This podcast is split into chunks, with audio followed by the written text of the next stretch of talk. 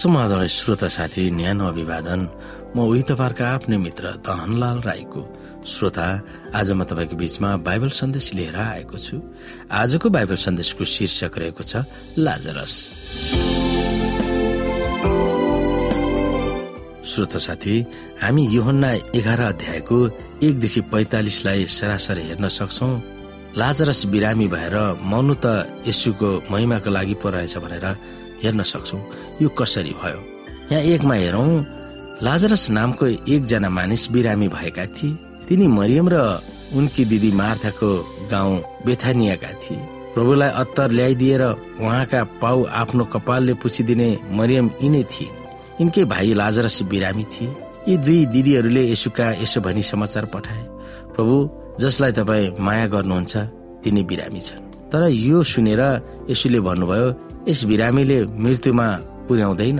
तर यो परमेश्वरको महिमाको निम्ति हो ताकि यसद्वारा परमेश्वरका पुत्रको महिमा होस्। यसोले मार्था तिनकी बहिनी र लाजरसलाई माया गर्नुहुन्थ्यो। तापनि लाजरस बिरामी छन् भन्ने सुनेर उहाँ जहाँ हुनुहुन्थ्यो अझ दुई दिन त्यही बस्नुभयो। त्यसपछि उहाँले चेलाहरूलाई भन्नुभयो लो अब हामी फेरि यहुदिया फर्केर जाउँ। चेलाहरूले उहाँलाई भने रब्बी भर्खरै मात्र यहुदीहरूले तपाईँलाई ढुङ्गाले हान्न खोजेथे। र के फेरि तपाईँ त्यहीँ जानुहुन्छ? यसुले जवाब दिनुभयो के दिनमा बाह्र घन्टा हुँदैन र? दिनमा हिँडुल गर्नेलाई ठेस लाग्दैन? किनभने तिनले यस संसारको ज्योति देख्नेछन् तर राति हिँडुल गर्नेलाई ठेस लाग्छ किनभने त्यस मान्छेमा उज्यालो हुँदैन। त्यसपछि उहाँले तिनीहरूलाई भन्नुभयो हाम्रा मित्र लाजरस निन्द्रामा परेका छन् तर तिनलाई निन्द्राबाट बिउझाउन म त्यहाँ जान्छु। चेलाहरूले उहाँलाई भने प्रभु तिनी निन्द्रामा परेका छन् भने तिनी निको हुनेछन्। यसुले तिनको मृत्युको विषयमा भन्नुभएको थियो तर तिनीहरूले चाहिँ वास्तविक निन्द्राको विषयमा भन्नुभएको हो भन्ठाने। यसुले तिनीहरूलाई स्पष्ट भनिदिनु भयो लाजरस मरेका छन्। तिमीहरूले विश्वास गर भनेर तिमीहरूका खातिर म त्यहाँ नभएकोमा खुसी छु। जे भए तापनि हामी तिनी कहाँ जाउँ तब दिदुमस भनिने थोमाले आफ्ना सङ्गीत चेलाहरूलाई भने लो हामी पनि जाउँ र उहाँसँगै मरौँ। जब यसो आइपुग्नु भयो तब लाजरसलाई चियानमा राखेको चार दिन भइसकेको थियो। बेथेनिया एरिसिलेमदेखि नजिकै प्राय तीन किलोमिटरको दूरीमा थियो। धेरै यहुदीहरू मार्था र मरियमका तिनका भाइको विषयमा तिनीहरूलाई सान्त्वना दिन आएका थिए। यसो आइरहनु भएको छ भन्ने सुनेर मार्था गइन् र उहाँलाई भेटिन् तर मरियम घरैमा बसिरहे तब मार्थाले यसोलाई भनिन् प्रभु तपाईँ यहाँ हुनुहुँदो त मेरो भाइ मर्ने थिएन। तर अब पनि म जान्दछु तपाईँले परमेश्वरसँग जे माग्नुहुन्छ परमेश्वरले तपाईँलाई दिनुहुनेछ। यसोले तिनलाई भन्नुभयो तिम्रो भाइ फेरि जीवित हुनेछ। मार्थाले उहाँलाई भनिन् म जान्दछु कि त्यो अन्त्यका दिनको पुनरुत्थानमा फेरि जीवित भई उठ्नेछ? यसोले तिनलाई भन्नुभयो पुनरुत्थान र जीवन म नै हुँ। मलाई विश्वास गर्ने मर्यो भने पनि जीवित हुनेछ। अनि जिउने र म माथि विश्वास गर्ने प्रति कहिले मर्ने छैन। के तिमी यो विश्वास गर्छौ? तिनले उहाँलाई भनिन् हो प्रभु म विश्वास गर्दछु। तपाईँ संसारमा आउनुहुने ख्रिस परमेश्वरको पुत्र हुनुहुन्छ। यति भनेर तिनी गइहालिन् र आफ्नी बहिनी मरियमलाई बोलाएर सुटुक्क भनिन् गुरुजु आइपुग्नु भयो र तिमीलाई बोलाउँदै हुनुहुन्छ। यो सुनेर मरियम झट्टै उठेर उहाँ कहाँ गइन्? त्यस बेलासम्म यसु गाउँमा आइपुग्नु भएको थिएन तर उहाँ त्यही ठाउँमा हुनुहुन्थ्यो जहाँ मार्थाले उहाँलाई भेटेकी थिइन्।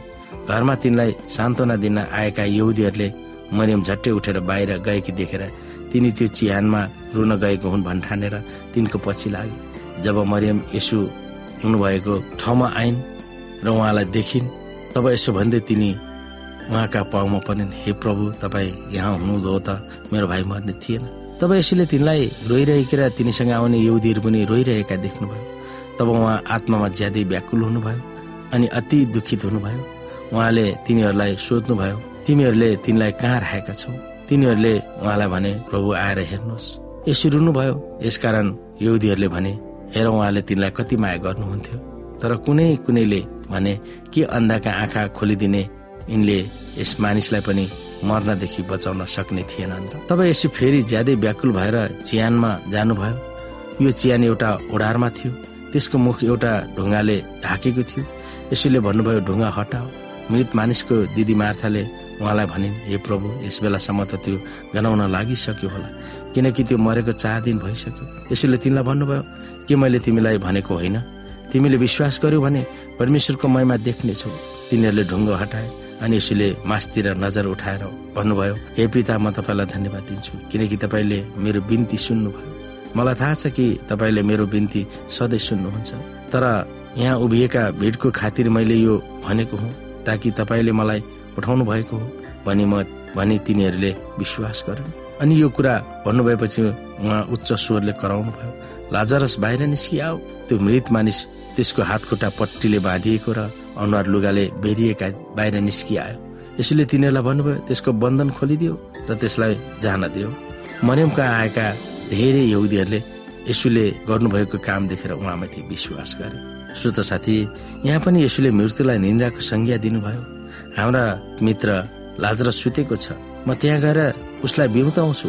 उनका चेलाहरूले लाजरा साँच्चीकै सुतिरहेको थियो भनेर सोचेको कुराहरू हामीले हेर्यौँ अनि तिनीहरूले नबुझेको कारण उहाँले स्पष्ट रूपमा भन्नुभयो लाजरस मरेको छ। जब यस बेथानीमा आइपुग्नुभयो लाजरस मरेको चार दिन भइसकेको थियो। त्यसको शरीर गन्नाइसकेको थियो। त्यसले यसले लाजरस मरिसकेको भनेर प्रमाणित गर्दछ।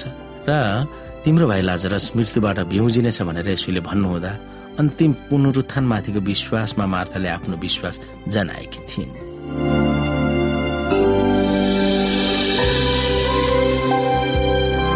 श्रोता साथी आजको लागि बाइबल सन्देश यति नै। हस्त नमस्ते जय मसिंह।